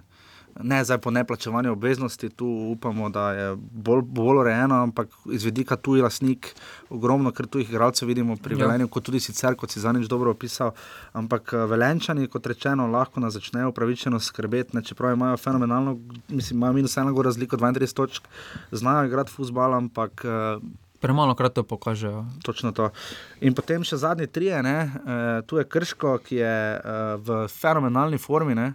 Ja. Res e, forma, ki jo težko, težko bi pričakovali od Krškega po jesenskem delu. Um, kaj se je tako spremenilo? Tu imamo roka Zorka, Radovina Karanoviča, en vodi te, rok Zorka, uradni trener je potem na tribuni, Karanovič vodi tre- tekme, Zorko vodi treninge.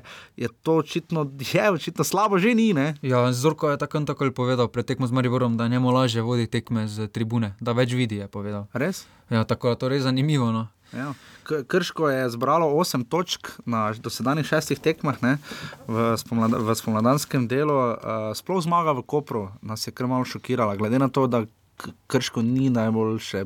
Po, po defaultu Ja. je do, te, te to- točke dobivala doma, je dobivala doma. Ne. Ja, tukaj je zanimivo. Kar veliko presenečenje kroga Koper je bil v kar velikem naletu, tudi dobre rezultate so imeli. Igrali so za to četrto mesto, potem pa pride Krško na obalo in jih. Škrbič z dvema zadetkoma matira. Ne, zelo, Ja, pa še zelo- lepše, bolj zrele priložnosti je imelo tudi Krško, krško ja. v samem. Res presenetljiva tekma. Uh, tu vidimo, potem, potem pa je bila še velika predstavitev proti Mariboru, Krško je postalo letos je zdaj neke sorte zavrč, oziroma Ja. skupaj z aluminijem. Ne? Eh, Maribor in Olimpija nista varna pred temi klubi, niti približno, kar se je Mariboru zelo pokazalo, kot smo že omenili. Ampak, ko se na Krško, eh, moje mnenje je, da Za,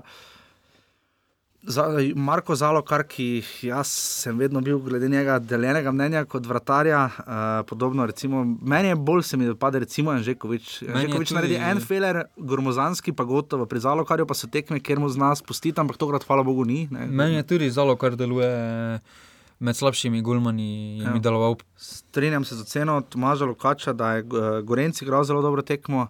Uh, potem je tu Šturm, ki je zabil uh, jeseni Maribor in je tako liga v tekmo odigral, ne znal je zavlačevati, Ja, faule delati. Res takih hvale, mislim, malo prljav igralec, ampak takih, ki ga točno na takih tekmah potrebuješ, ker je znal zelo po robu hoditi, žganec mu je to tudi malo dovolil. Pa potem, in to je bolj ali manj potem počasi tudi to, ne, ker na koncu, ko so imeli res priložnosti, tam, ko je Maribor šel s tem 4-2-4, Naprej, ja. so imeli tri lepe situacije, pa so šli vsak po svoje Gatarič, uh, Dangovič je bil Dangovič, pa, um, pa še nekdo, zdaj tega ne najdem. Pa, uh, Se ni, Jovan, Jovan, ne, ne, se ni pomembno. Pa še en so skupaj v napad, eh, ampak vsak po svoje, ne? ni pa Ja. ja. tega ekipnega duha, ki smo ga lani videli pri Krškem. Ja, ne. tukaj so se res, kot kaže, hoteli dokazati proti Mariboru, tudi za pogodbe so najverjetneje igrali. da, res z malo več kolektivnosti bi tudi dosegli boljši rezultat proti Mariboru, čeprav ta točka je vseeno veliki dosežek. Vseeno so po sedmih tekmah eh, proti Mariboru dosegli prvi pozitivni rezultat. Ja, prvič, da niso izgubili. Ne, Ja. uh, Je pa bila tekma zelo zanimiva, samo devet faulov na celi tekmi. Ja, res, uh, kar postuješ ganec, eh, zelo pr prosti kriterij. Uh, Vse ni bila tekma sama po sebi tako trda, ampak uh, Maribor so tudi malo pretekli, se mi je zdelo, nekateri igravci, da so zaradi tega tudi boki malo pazili, recimo Vidar pa Palčič, in da, da je tu krško v tej svoji igri. Uh, Pa nisi, najbolj noro je to, da se ni tako poznalo, da so manjkali Vukliševič, Pušaver in uh, Kramarič. Ne? Ja, čeprav v sami organizaciji obrambne vrste se je kar poznalo, ko je. Maribor kar malo više stisnil, so postali panični in Izbijali, so ja. hitro oddali žogo. Mm. Tako da tukaj res so imeli evidentne težave, čeprav so dobro se, re, se reševali iz teh situacij. Ja, tako da kar reče za krško, po teh te, te tekmi, ne, na zadnje so sneli skalp že večkrat v Olimpiji, zdaj so ga prvič še Maribor te dve točke in mu dali tuhtat, kdaj, lahko, kdaj bo tista res šampionska forma, oziroma kdaj se lahko začne Maribor veselico, očitno to malo prestavili. Um, Ampak vseeno, trenerska menjava je najbolj uspela do zdaj, skoraj da se zdi, poleg Slobodana Gruborja, ne? od vseh pa jih ni bilo malo, trenerskih menjav, pa tu mislim tudi Elznerja, Rožmana in ostale. Ne? Uh, vsekakor se pa tu kaže, da stabilnost je dobra stvar. Ne? Mislim, če pogledamo formo Gorice in Maribora, Ja. uh, edinega kluba, ki imata še istega trenera, s katerim sta začela sezono. Uh, Čeprav tukaj tudi vprašanje, kako bi bilo, če bi na teh tekmah ostal uh, bivši trener, vseeno so imeli Petrovič, ja. malo lažje tekme sedaj. Ja. Misliš, da bo, uh, Maribor je to, kar Krameriča ste lahko slišali tudi prejšnji teden v Osedu, on bi si sam želel igrati proti Mariboru. Koliko misliš, zdaj, kolikor vem, je prvič so zaprosili uradno, uh, pa naj to ne bi šlo skozi. Kaj ti sam misliš o tem? Ja, z mojega vidika, tudi tekmovalnega, je to pravilno. Saj recimo, če je bil takšen rezultat ena proti ena in bi potem v zadnji minuti Vukliševič napravil recimo, prekršek za 11 metrov, bi potem bili, kako je pomagal, bivš, eh, kako je pomagal svojemu klubu. Tako da tudi v. Ja, še, ali pa da bi Kramerič 93 minut gol zadev, ne Ja. ja. v Mariboru, bi sicer bili na to delno ponosni, ampak bi si rekli, kaj pa če samo proti nam zadal. Ja, gol, ne. pa tudi v drugih ligah je to v samem statutu tekmovanja, da posojeni igralci proti Ne svojemu ne matičnemu igrajo. klubu ne smejo igrati.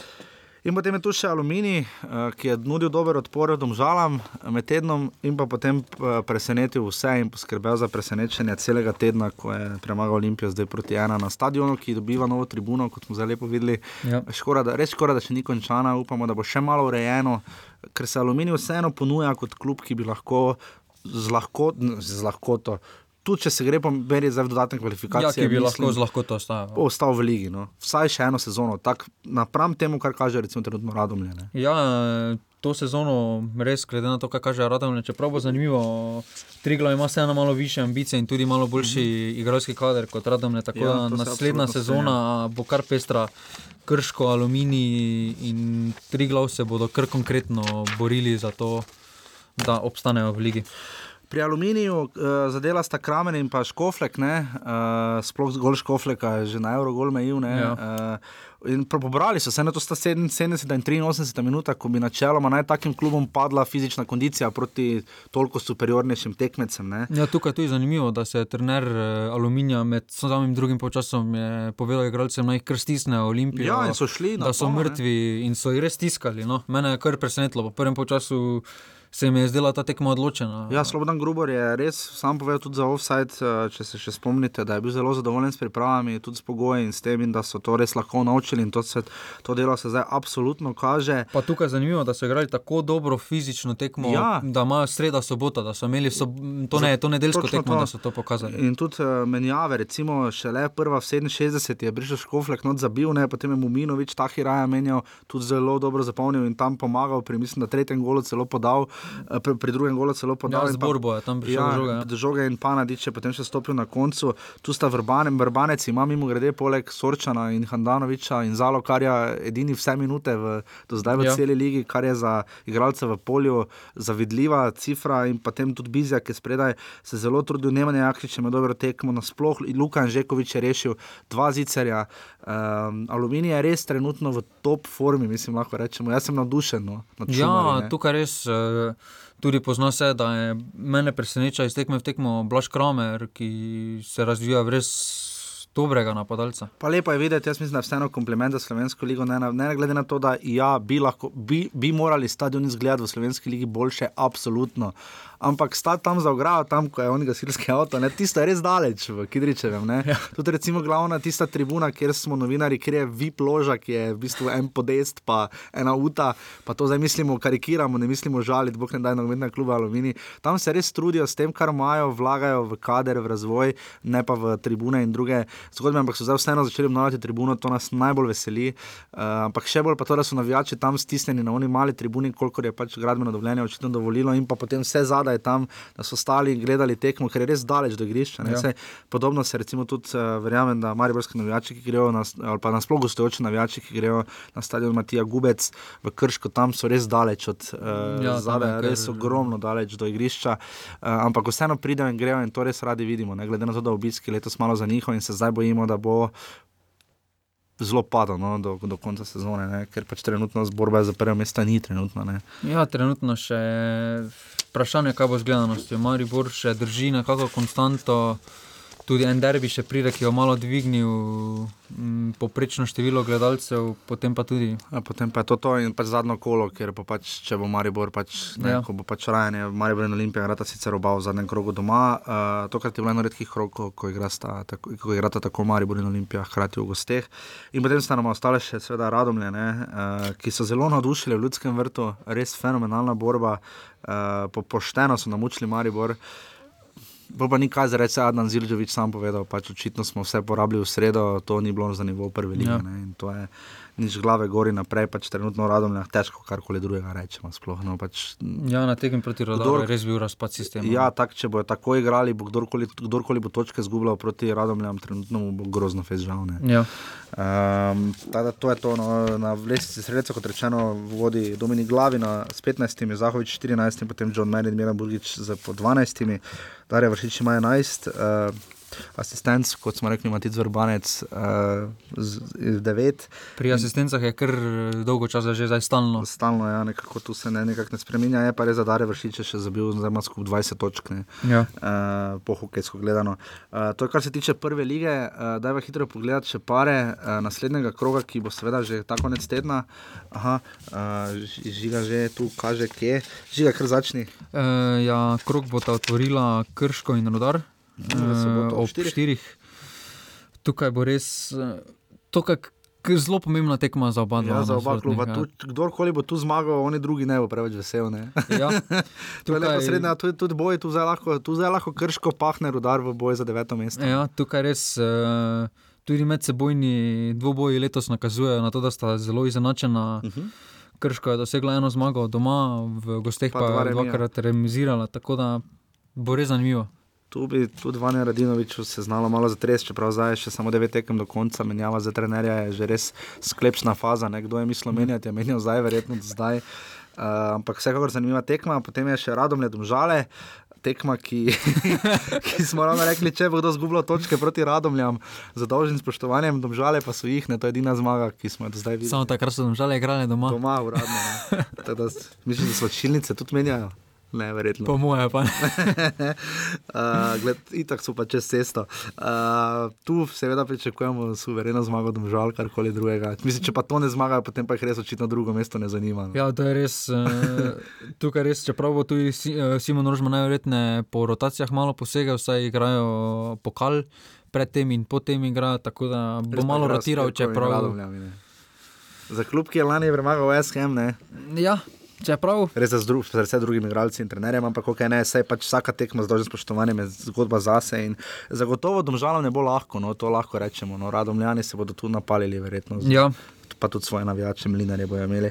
In potem zvečer ob 8.15, naslednji teden, mimo grede, bo gost Simon Maljevac, smo ga že poklicali, se je sam ponudil, uh, mi dva z žigo, namreč ne bova šla na Bonifiko, verjetno ne. ne. Uh, bo, pa, bo pa šel tja, seveda, nogometni klub Maribor, um, ki je dobil vse tri letošnje tekme uh, proti Koprčanom. Uh, Koprčani se, so se kar dobro izkazali. Uh, v prvem krogu, ne, ampak uh, za zdaj Maribor kar uh, dobro parira in tu seveda pričakujemo. Te, tri, č, predvsem zanimivo videti, kako bo, kak bo Maribor, Maribor bo sam sebi tu spet tekmec. Ja, predvsem. Koper je res eh, neznanka. No. Eh, lahko imajo res dober dan in premagajo skoraj da vsakega v ligi, lahko pa imajo porazen dan in izgubijo tudi proti vsakemu. Res je. v Tukaj je nedel- tudi vprašanje, kako bo Maribor odreagiral. Brez defendija so šuler, je vprašanje, tako da tukaj bo kar na branilskih mestih bo kar pestro. Bomo videli, če se bo počasi kdo vrnil, kakšen bohar ali kdo ne. če Ali pa Šme bi počasi- lahko Šme, počasi. ki ima pa sicer težave, baj za Hilo, v Tetivo, v obrambi po Mariboru, pa še vrstne rede, kot si rekel, tudi Maribor čaka tekma med tednom. Potem je Aluminij Gorica, ne. Uh, Aluminij se je veselil točke, takrat eno redkih uh, jeseni, ko je uh, igral nič nič z Goričani. Uh, sicer pa dve zmaji Gorice, uh, Aluminij je v top formi, tu Gorici ne bo tako lahko. Ne. Ne, tudi aluminij je doma zelo trd oreh, eh, gor, gorica pa tudi. To, kar te tekma ob treh, če bi v slučaju zna biti kar pestro na zelenicah v Sloveniji, če bi slučajno bil naslednji vikend ne, ker zdaj že dolgo ni bilo in Ja. verjetno, če bi bil izdatnejše padavine, bi se to recimo v Krškem, tudi v Domžalah in v Kidričevem, verjetno kar fejs poznalo. no. Čeprav pri aluminiju, imaš- pri Kiričem še manj skrbi, vseeno imajo. Razen živo blato. Eno izmed vrhunskih eh, zelenic ima, res imajo. Tren, celi trening imajo center, porihtan. porihtan. Tako da tu bo Gorica gostovala ob treh in pa potem ob 16:55. Zelo zanimiva tekma, lani se je tu o stavah dosti govorilo in o dogovorih. Uh, Celje Olimpija, čeprav Olimpija. Uh, Olimpija letos dobila vse tri tekme proti celjanom, ampak trenutno um, Pa samo dobena ni pa bila enostavna, vse Ja, so bile gol, ja. na knap. Uh, tako da tu bomo videli, ampak predvsem bo dosti, to bo tekma s celjem bo veliko uh, odmevala, oziroma bo odmeval tekme z Mariborom. Ne? Ja, pa tudi tukaj Pušnik ima res to težavo, da trenutno mu poškodbe ne Nima omogoča kadra dobene rotacije. Tako da na poderbiju bo kar težka tekma proti celju, ki ima en teden trenutno prost. In to bo 28. krok, kot smo rekli, potem jih še 9 ostane. Oziroma 8, če ste še z nami, seveda, eh, skočili smo za hip še v drugo ligo, eh, dob vržej nič, nič, eh, dob se drži na drugem mestu, Ankarano tu fejs diši, ne, eh, drugo mesto, ne, Ja. eh, klubu, ki je pač zelo prispeval v 21 reprezentanco. Uh, Dober že nič nič. Um, Brežice, kjer je Nikola Gatarič blestev uh, jeseni, oziroma je zdaj blestev proti Mariboru, eh, proti Brdo 2 nič. Uh, tudi Brežice so tu bolj ali manj odpisane, 9 točk zaostajajo za uh, druge mesto. Ne, koliko je krogov bo letos v. To ne znam nikoli sešteti, koliko krogov bo. Mislim, v, da še sedem ali Ja, nekaj takega v drugi ligi, ker v Zavreče seveda bo ostal pri svojih petih točkah. Uh, Krka, uh, generalka, proti, uh, generalka se absolutno ni obnesla. Ja. Pro, dom, proti domžalam bojo igrali jutri v pokalu. Uh, videli smo nekaj spektakularnega, ne? Krka Drava 1-4. Ja, pa Nastja Čeh eh, se je vrnil v velikem slogu. Eh, Res je opozoril na sebe, da še zna nekaj. Treba pogledati si posnetek. Nikoli ne veš, mogoče bo pokatanec koga z druge lige poklical.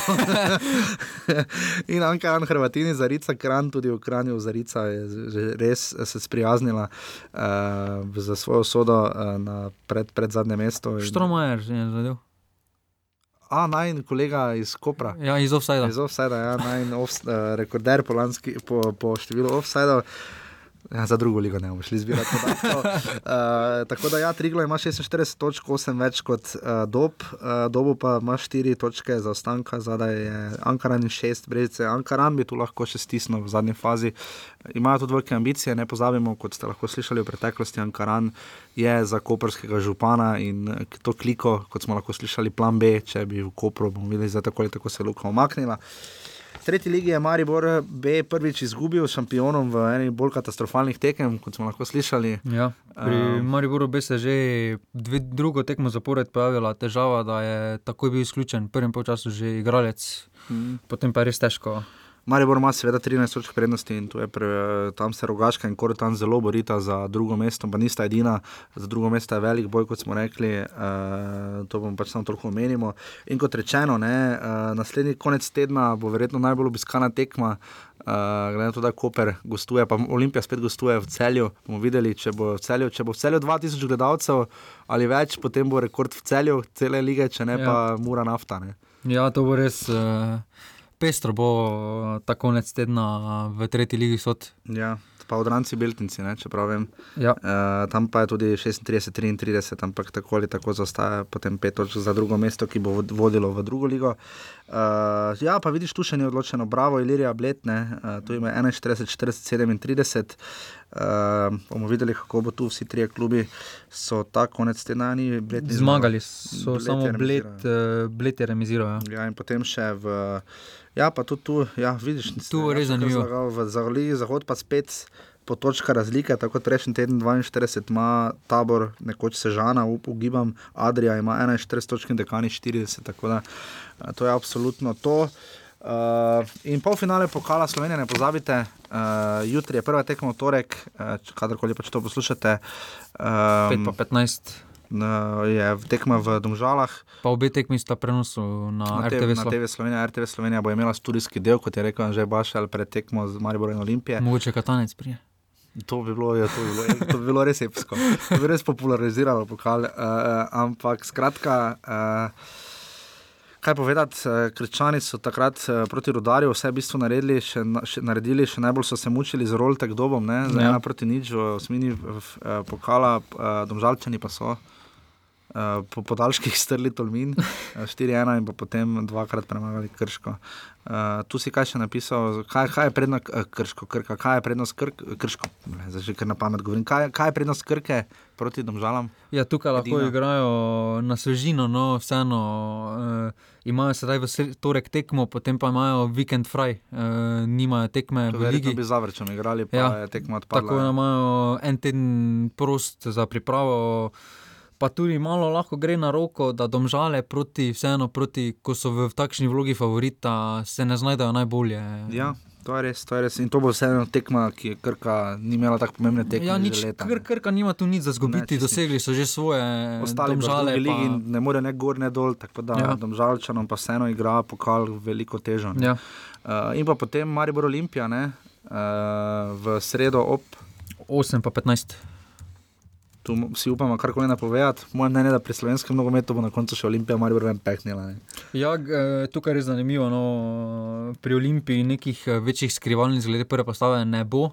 Uh -huh. bo pa zanimivo, kako bo Darko Milanič e, odreagiral. Vseeno je povedal, da mu je prioriteta prvenstvo. Tako da bojo najverjetneje dobili igralci, ki jih nismo navajeni in, ne, in jih ne vidimo tako pogosto, bodo tudi začeli.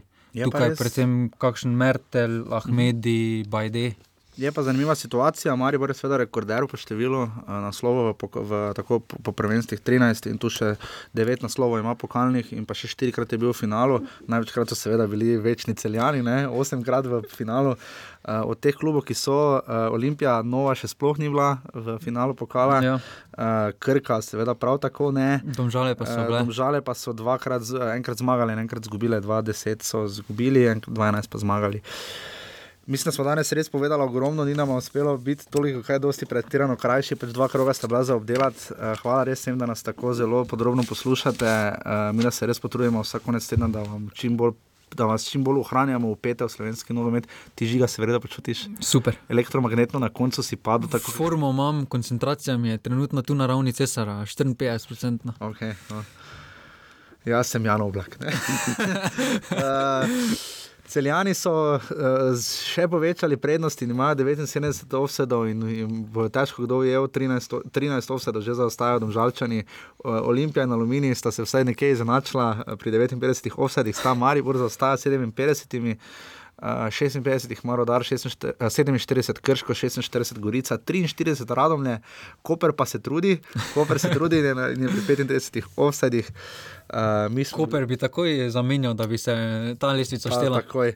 Uh, mi, pa, mi pa bomo seveda se naslednjič v 76. offsetu, naslednji ponedeljek, 10. aprila, uh, znova slišimo in potem bomo še obdelali uh, 77, pride potem v četrtek, uh, tudi 13. Uh, ja, 13., 13. aprila, tako da boste na tekočem za vsem, za karkoli sva dosegljiva z žigo. Uh, in nič ne, če se znajdete v offsetu, Si za konca Rupert, najverjetneje. si za konca še se ja. Ni, ni, ni komentarja. Uh, hvala, da ste bili z nami, če se znajdete v vse, da poslušate nas naprej, lahko nas podprete, rečete kako lepo besedo ali karkoli. Hvala, se slišimo naslednji teden. Čau. Adijo.